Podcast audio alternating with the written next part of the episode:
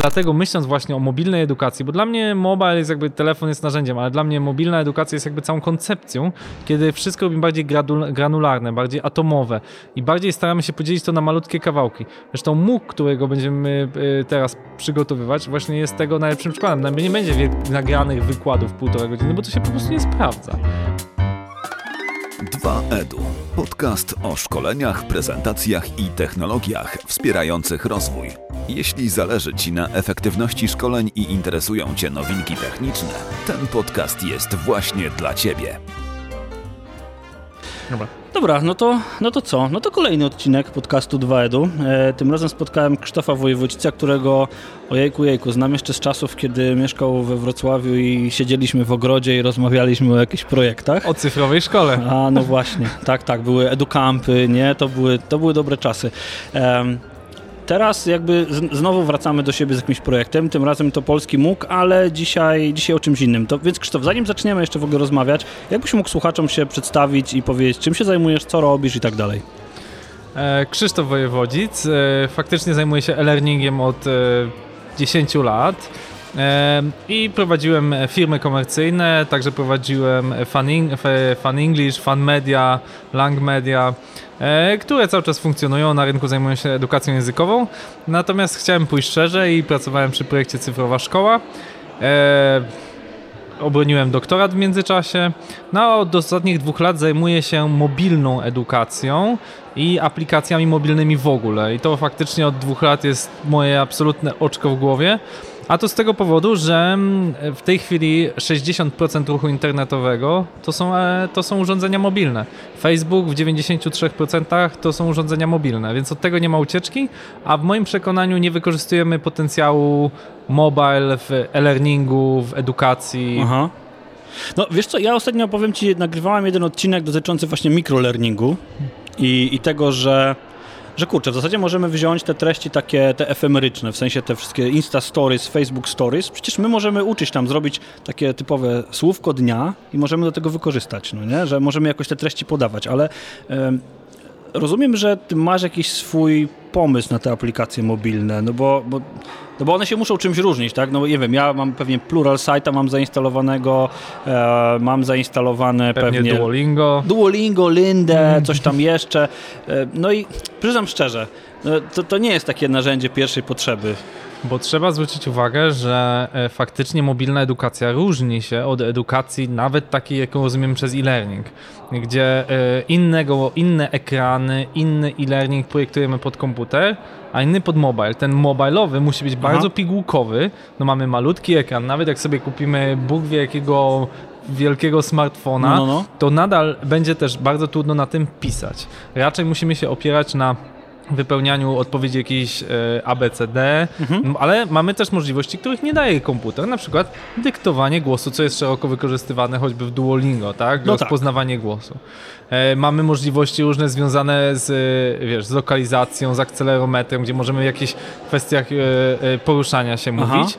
I to z kolei może nam może dzięki temu możemy gromadzić wiedzę o tym, e, kto się uczy, w jakich sytuacjach, coś, czego, co, co nie było możliwe wcześniej. Aha, czyli rozumiem, że ty patrzysz na to, z perspektywy użytkownika dajemy mu te funkcje, które on zna, tak? Czyli ma kliknąć, e, zrobić zdjęcie, podyktować i tak dalej. Mhm. Ale z perspektywy dostawcy rozwiązania to są zupełnie inne dane. Zupełnie inne dane zupełnie inne e, możliwości i, i cała konstrukcja moim zdaniem, jakby ten design, instructional design się zmienia. Aha. To znaczy on musi być nakierowany na podawanie bardzo krótkich pigułek wiedzy. No, często oczywiście możemy siedzieć pół godziny w telefonie, ale okay, nie będziemy siedzieć Znam takie 8... sytuacje, w których się siedzi na telefonie Ale nie będziemy godziny. siedzieć 4 godzin w telefonie, jak możemy siedzieć przy komputerze.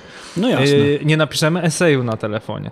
Natomiast nie ma problemu, żebyśmy napisali, żebyśmy podyktowali długą informację głosową, albo żebyśmy korzystali, nie wiem, ze słownika. W tej chwili prędzej będziemy korzystać z telefonu na przykład, niż z komputera, bo z racji choćby możliwości podyktowania słówka, błyskawicznego dostępu, otwierania się tej aplikacji. Więc są rzeczy, Aha. które po prostu ta mobilna edukacja y, zupełnie zmienia. No dobra, ale teraz mhm. jakbyśmy, bo, bo rozumiem, że tworzysz, masz jakiś pomysł na tą, na tą aplikację i jakiś odbiorców. No skoro masz pomysł, no to jakbyś mógł sobie wymyślić idealnego odbiorcę takiej swojej aplikacji, to kto to powinien być?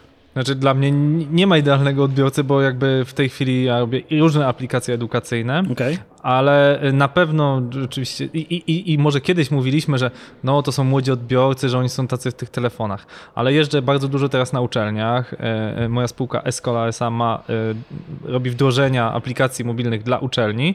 I często zdarza się, że zaczynamy jakąś prezentację i mówię tam, że rynek mobile rośnie, że studenci średnio korzystają 3 godziny dziennie z telefonu. I mniej więcej na tym drugim slajdzie mówię, no to możemy już zakończyć, no bo widzimy, że pan rektor tutaj na iPhone 7 siedzi, a pani prorektor to na 10 i wszyscy w ogóle sobie słuchając nas jednocześnie tam na Messengerze, na Whatsappie i tak dalej. I nie ma już moim zdaniem takiej bariery, że o, młodzi ludzie to są w, z twarzą w telefonach, a rektorzy to już nie wiedzą do czego służy. Wiedzą.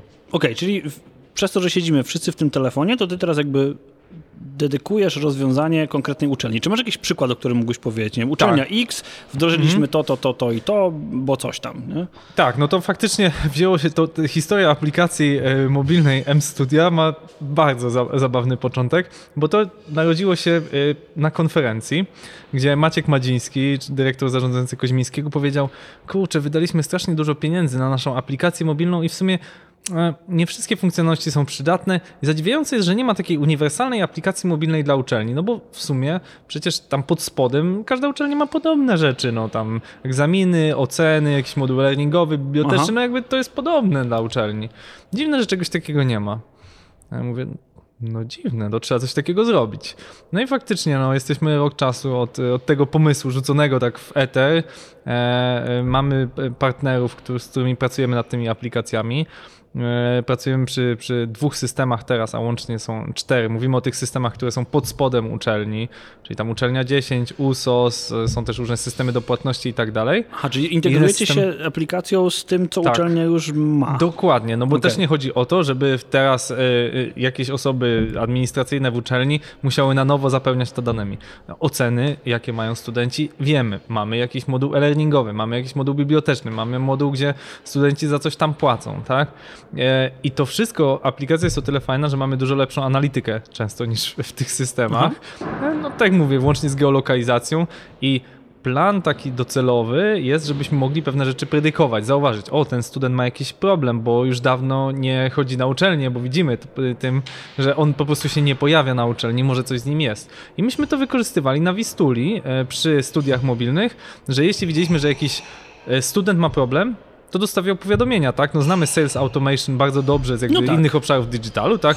Dzień dobry studencie, nie widzieliśmy cię od dwóch miesięcy w naszym systemie learningowym, co się stało, tak? Albo to nie musiał być SMS, to byłem ja, przy pierwszym roku studenta byłem ja dzwoniący do każdego studenta, gdzie widziałem, że cokolwiek się dzieje nie tak, albo właśnie dzieje się bardzo dobrze i albo chwaliłem, albo pytałem. Słyszałem wtedy o tylu ciążach, o tylu jakichś problemach zdrowotnych, wiadomo, ale widać było, że po tej mojej interwencji to działało.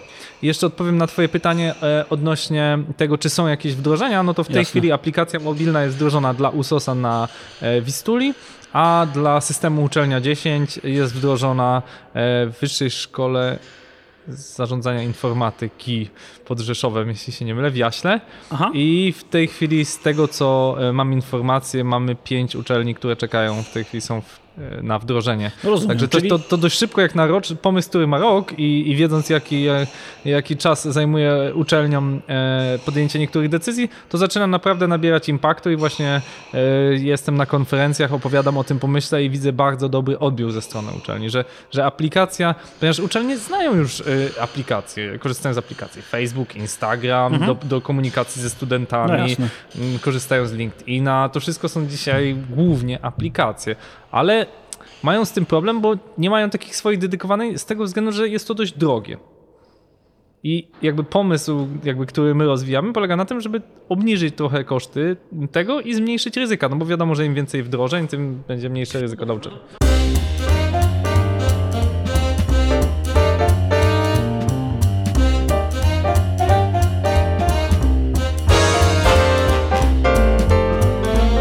Dobra, no to załóżmy, że tak, mam, mam uczelnię, tak? Jestem właścicielem uczelni prywatnej, e, mam system, niech sobie będzie, że ten USOS, tak? On jest wdrożony, to działa i tak dalej.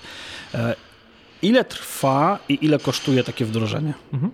To jest kwestia 3 do 6 miesięcy, w zależności od e, tego, jakie uczelnia sformułuje moduły, jakie ma e, wymagania, bo może to być jakiś moduł taki standardowy, a może, nie wiem, chcieć na przykład e, mapę uczelni, jeżeli ma duży kampus, jeżeli to będzie UJ, UW, no to pewnie będą chciały, żeby ci studenci mogli gdzieś Jasne, tam się mam nawigować. małą uczelnię, jeden budynek. Tak, no no to biorę wtedy, standardowe tak, moduły. To jest kwestia trzech miesięcy. Jeżeli chodzi o koszty, no to już jest kwestia zależy od rozmiaru uczelni, od tego, jakie będzie miała funkcjonalności, ale powiedzmy, że ceny zaczynają się od kilkudziesięciu tysięcy złotych, Aha. czyli coś, co jest do udźwignięcia Aha. dla uczelni. No tak, no czyli jeżeli Mhm. jestem taką niewielką uczelnią, powiedzmy w przerwie wakacyjnej, Tak. jesteś w stanie mi to wdrożyć. Tak, tak, startując, startując. No dobra, ale teraz przepraszam, mówimy o kilkudziesięciu tysiącach. Powiedzmy, że nie wiem, będzie kosztowało 60 tysięcy.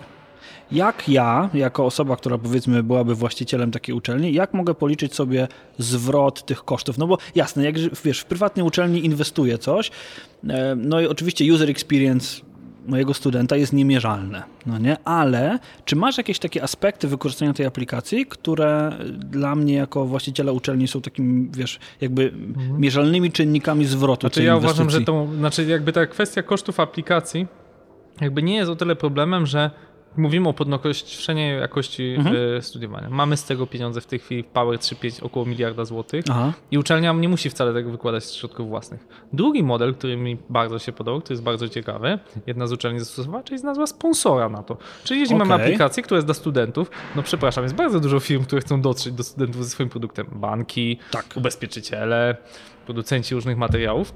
I tu w tym w takim wypadku, o którym mówię, połowę kosztów aplikacji, która w tamtym wypadku kosztowała 100 tysięcy złotych, sfinansował sponsor. No tak, dla sponsora Więc- 50 tysięcy to nie są znowu jakieś Oczywiście. wielkie pieniądze. I, i e, więc jakby koszty tak naprawdę są, nie są takim problemem jak to, żeby jakby mentalnie przejść przez to, że okej, wiele uczelni ma tego Facebooka, Instagrama, ma przejść swoją stronę internetową, No tak? oczywiście. Mhm. Więc pytanie, jak mając, no powiedzmy sobie w przypadku małej, dużej uczelni kilka tysięcy studentów lub kilkadziesiątnaście, kilkadziesiąt tysięcy studentów, nie mieć swojego kanału komunikacji, nad którym, co ważne, mamy dużo lepszą kontrolę.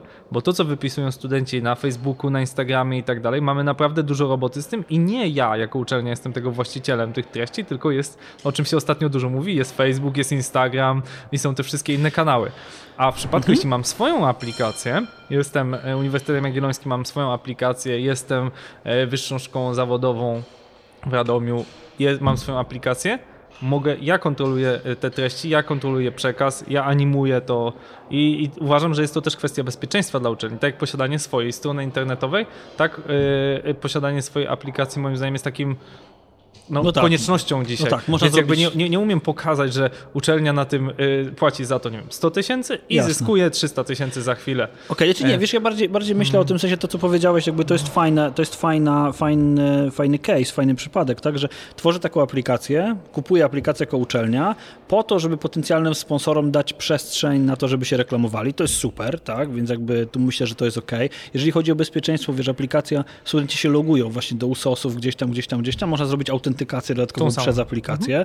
No i oprócz tego myślę, że wiesz co, no uczelnie też, zwłaszcza uczelnie prywatne, myślę, że mają dużą ofertę szkoleniową też, taką wiesz, dodatkową, no nie? I można też, jakby to może być po prostu kanał sprzedaży kolejnych kursów podyplomowych, takich, śmakich, owakich, no nie? Mamy... No, rozwiązań jest bardzo dużo i to zależy od uczelni. Są uczelnie, którym bardzo zależy na aplikacji rekrutacyjnej, tak? Przecież prywatne Okej. uczelnie, jest, bardzo im zależy na, na ilości studentów, a, a państwowym uczelniom zależy z kolei bardzo na jakości. Więc możemy już od, y, jeszcze zanim on zostanie naszym studentem, pracować nad nim od jakichś najprostszych gier, poprzez e, łapanie ich e, jako lidy, Mhm. tak? Żeby, żeby oni w przyszłości zostali naszymi studentami, będą- będąc licealistami. Bardzo dużo, z wieloma uczelniami pracujemy jakby w pierwszej kolejności nad aplikacją do rekrutacji, do pozyskania studentów. Więc jakby spektrum jest e, dość szerokie, do czego chcemy to zastosować, a statystyki są nieubłagane, to znaczy studenci siedzą i, i, i, i licealiści siedzą w telefonach średnio 3 godziny dziennie aktywnie.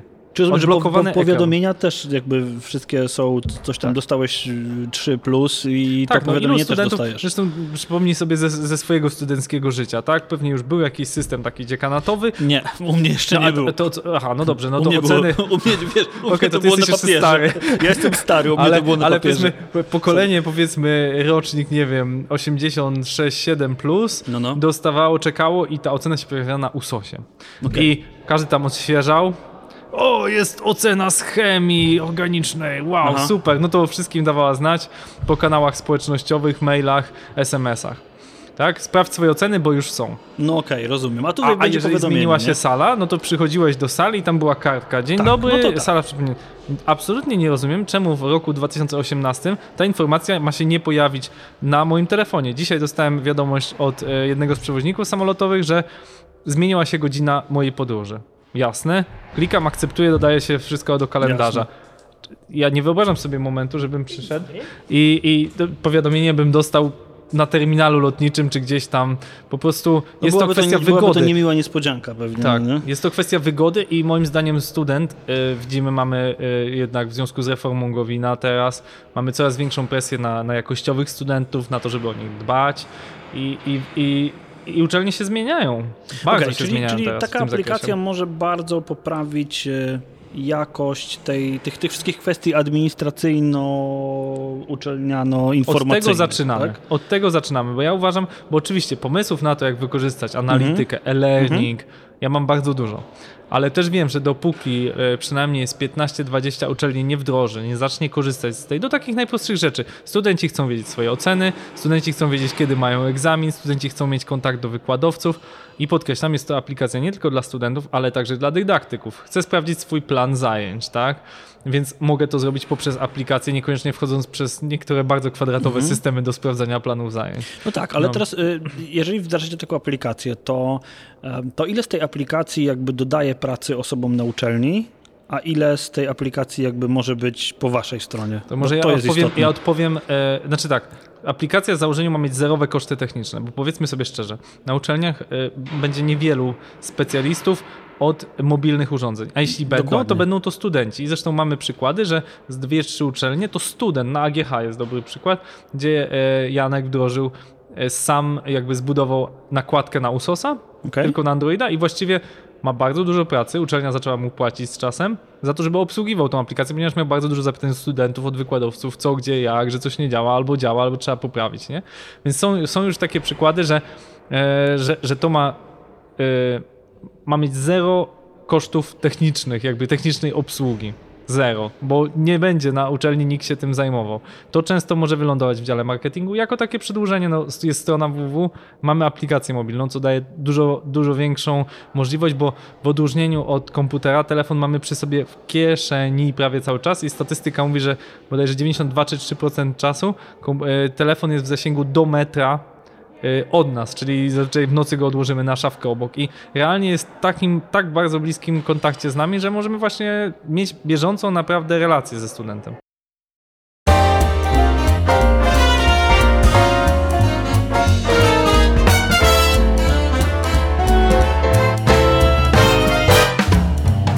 Okej, a jakbyś sobie wymyślił analitykę taką, wiesz, która jakby znasz uczelnię, tak? Pracowałeś na Wistuli, wiesz, pewnie i tak, jak znając ciebie, to i tak zbieraliście jakieś dane na temat studentów, ale które z twojej perspektywy, które dane na temat właśnie pochodzące z tych urządzeń mobilnych em, są najistotniejsze z perspektywy uczelni? No, ja uważam, że zbieranie danych, y, które jakby jest o tym teraz wielka dyskusja i debata i uczelnie często nie chcą zbierać danych. Więc tutaj też dla nich stosowanie zewnętrznego jakiegoś rozwiązania, aplikacji dostarczanej przez firmę Escola Aha. czy innego dostawcę jest korzystne, ponieważ wtedy ten dostawca będzie za to odpowiadał, jakby musiał przejść wszystkie compliance i tak dalej. Tak, no, Więc to jest GDPR korzyść. czy tam Tak. RODO, nie? E, ale tak, ja uważam, że trzeba zbierać dane o użytkownikach i e, wczoraj było przesłuchanie w kongresie Marka Zuckerberga i on często powtarzał takie zdanie, że zbieramy dane w zakresie niezbędnym do prowadzenia serwisu. Oczywiście w przypadku Facebooka to znaczy bardzo dużo, To znaczy wszystko. ale w przypadku, uważam, aplikacji uczelni, no też powinniśmy zbierać te dane w zakresie niezbędnym do obsługi go jako studenta. Czyli musimy wiedzieć na przykład, warto by było wiedzieć, że on się zgodzi na jakąś usługę lokalizacji, że on nie przychodzi, no to my pytamy, czy coś się stało, tak? Bo mogło się coś stać. Jakby to, jest, to, są, to, to, to są bardzo ludzkie rzeczy i, mo, i możemy do nich w ten sposób dotrzeć, bo nie jesteśmy w stanie jakby, wiesz, trakować, odpytywać, dzwonić do każdego studenta, a tutaj mamy, ten, czy on jest aktywny w ogóle, czy widzimy, że na przykład długo nie dostaje żadnych ocen, no to ustawiamy, tak jak mówię, jakieś powiadomienia. A jeszcze zapytałeś wcześniej o to skrócenie czasu, czy jakby czy nam dodaje pracy, czy zmniejsza. Podam z, z własnego doświadczenia, takiego e, paradziekańskiego na Wistuli, Aha. że często trafiały do mnie jakieś podania. Co to było? No studentka chce dziekankę, y, ktoś tam chce przedłużenie sesji, ktoś miał jakąś kontuzję, więc nie może, nie wiem, uczestniczyć y, w zajęciach WF-u.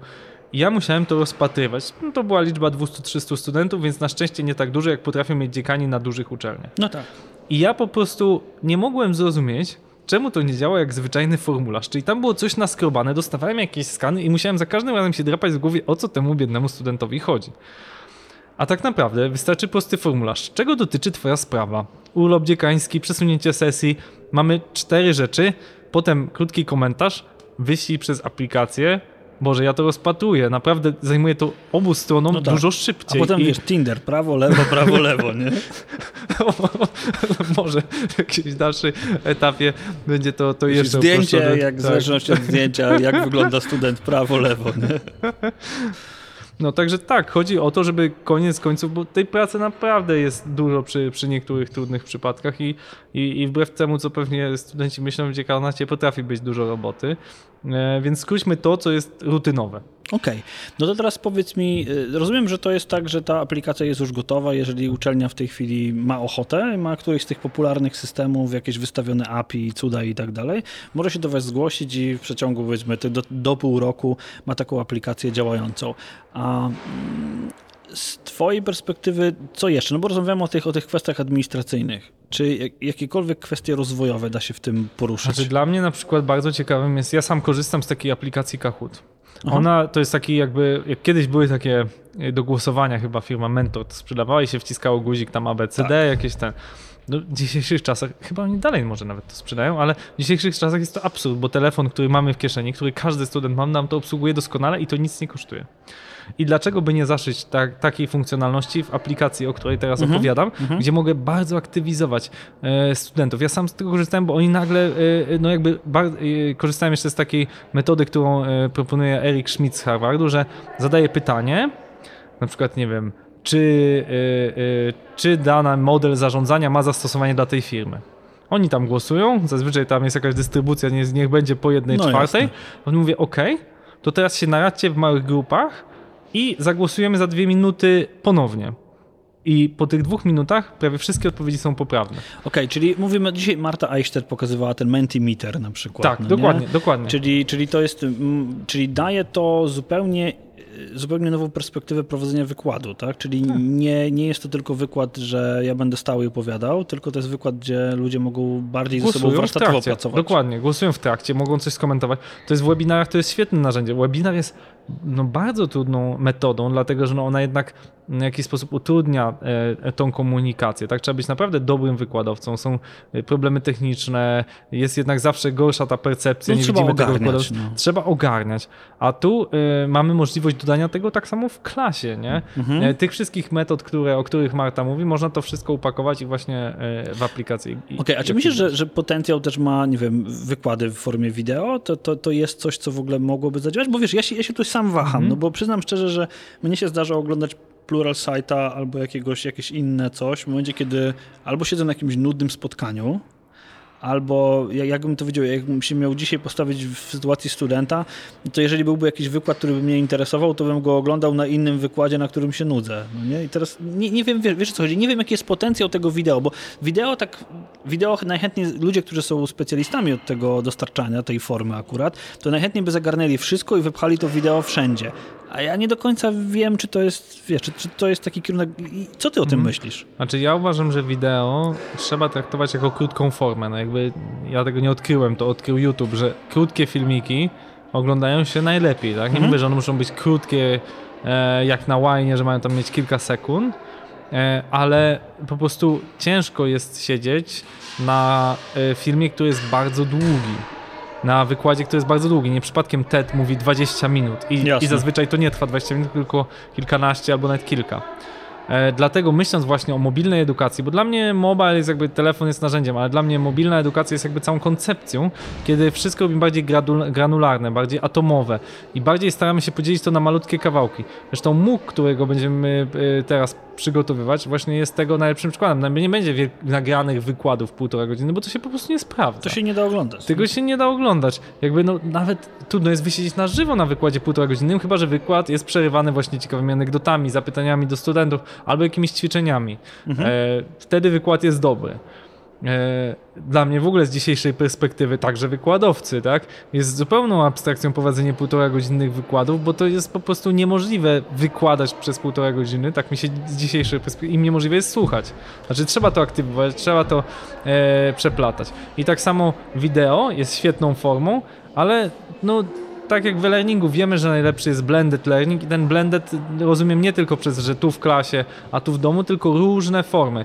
Jak y, układam ilekroć swoje formy nauczania, a jakby jestem czynnym wykładowcą głównie e-learningowym, praktycznie tylko i wyłącznie e-learningowym, ale czynnym, tak? W zeszłym roku prowadziłem duży kurs Strategic Management, w którym wziął udział tysiąc studentów i tam były formy pod tytułem wideo, pod tytułem quizy, pod tytułem case study, pod tytułem eseje, pod tytułem for, fora, dyskusje, to wszystko trzeba było animować. Ja sam nie dałbym rady animować dyskusji dla tysiąca studentów, szans, więc nie? E, miałem dwóch asystentów, którzy mi pomagali, jednego technicznego, jednego merytorycznego. Mhm. No po prostu dzisiaj learning i w ogóle nauczanie moim zdaniem no, i wchodzi na taki next level i ci, którzy naprawdę umieją to robić, mogą mieć ogromne zasięgi.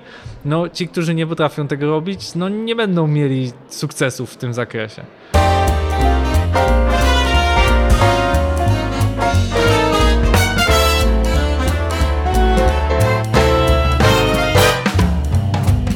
Potencjał dla studentów widzę duży. Zastanawiam się nad potencjałem dla prowadzących, no bo jasne, będą atrakcyjniej, lepiej, ciekawiej, ciekawiej uczyć, ale jak oceniasz jakby szybkość adaptacji tego? No bo rozumiem, że wykładowcy są w różnym wieku, z różną biegłością korzystają z tych urządzeń. Nie chcę tu ich jakby w żaden sposób, wiesz, jakby e, e, izolować, bo że o Jezu, tego to oni się nigdy nie nauczą, bo jakby oni już korzystają, tak jak sam powiedziałeś, z tych, z tych urządzeń, ale czy widzisz tu jakieś wyzwanie z, taką, z takim przyswojeniem tego rozwiązania?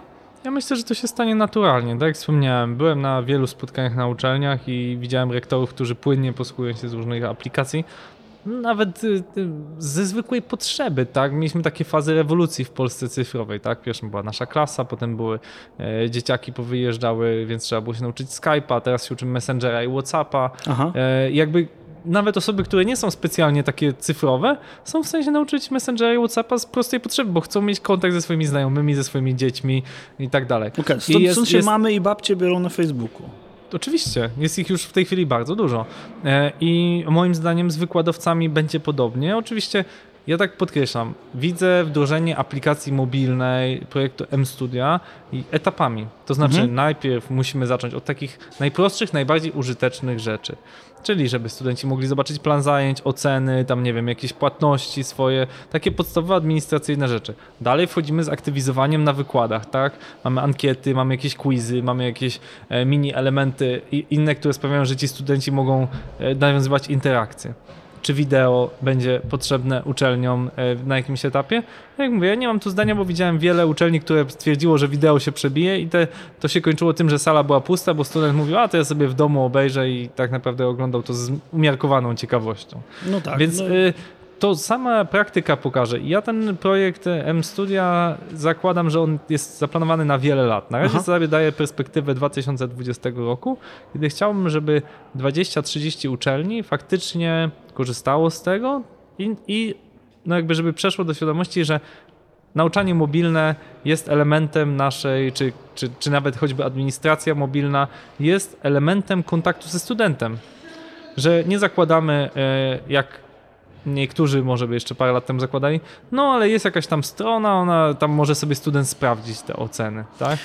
Bo jednak idziemy mhm. w stronę wygody i czemu ten student nie miałby dostać powiadomienia, o właśnie twój wykładowca wpisał twoje oceny, co oszczędzi właśnie mi czas, bo ja tą aplikację w dużej mierze układam pod swoje własne zachcianki jako wykładowcy i ja nie chcę potem dostać maili, panie profesorze, czy panie doktorze, chcę, czy już mamy oceny z pana przedmiotu, bo mhm. bardzo nam zależy, tylko no, Macie. I rozumiem, że pewny, pewny rygor, pewien, pewien rygor też może to wprowadzić, na przykład, nie wiem, przypomnienia dla wykładowcy, że miał to ocenić, że miał wysłać. Myślę, że to, e, wiesz, to jest taka, ostatnio ja się miałem dyskusję z Mariuszem Hrabko i rozmawialiśmy o Agile'u i wszyscy mówią, że a, Agile jest taki zwinny, takie to jest fajne i w ogóle, a myśmy rozmawiali o tym, że kurczę, Agile to jest tak ustrukturyzowane, przeciwne. wiesz, te narzędzie, narzędzia wymuszają na nas i podejście, i mindset wymusza na nas pewną, pewną strukturę, regularność i tak dalej. E, Krzysztof, jakby powoli zamykając tę rozmowę, czy możesz mi powiedzieć, co ma zrobić ktoś, jeżeli jest zainteresowany aplikacją? Liczę na trochę screenshotów, które pewnie zamieścimy w wpisie, ale co ma zrobić? Czy ma z tobą się kontaktować? Czy ma Tak, znaleźć gdzieś się na stronie bezpośrednio, można informacje? bezpośrednio się skontaktować ze mną, a y, jeden z dostawców oprogramowania, y, PCG Akademia, Aha, ma stronę MStudia, którą dla nich przygotowaliśmy i tam nawet są pokazane funkcjonalności tej aplikacji. Ta strona jest naprawdę bardzo ładna, zachęcam do odwiedzenia mstudia.pl okej. i tam można zobaczyć jakie są funkcjonalności, screeny, jest tam jakiś formularz kontaktowy. A myślę, że ze względu na naszą starą znajomość No, mogę też dać y, tak, oczywiście. Mogę podlinkować i mogę dać też maila do siebie, jeżeli byłaby taka potrzeba kontaktu ze strony e, uczelni, żeby o tym podyskutować. to Jasne, super. No to cóż, zapraszam wszystkich, em, którzy pracują na uczelniach, byliby zainteresowani. Myślę, że demo też da się zorganizować. E, no cóż, warto popatrzeć na, na tych studentów e, może trochę bardziej jak na naszych klientów, o których chcemy bardzo zadbać, niż, o tak, ni, niż wyjść z podejściem, że oni zawsze przyjdą, bo może pójdą tam, gdzie będzie im po prostu lepiej. Dzięki Piotrek. Dziękuję bardzo i do usłyszenia.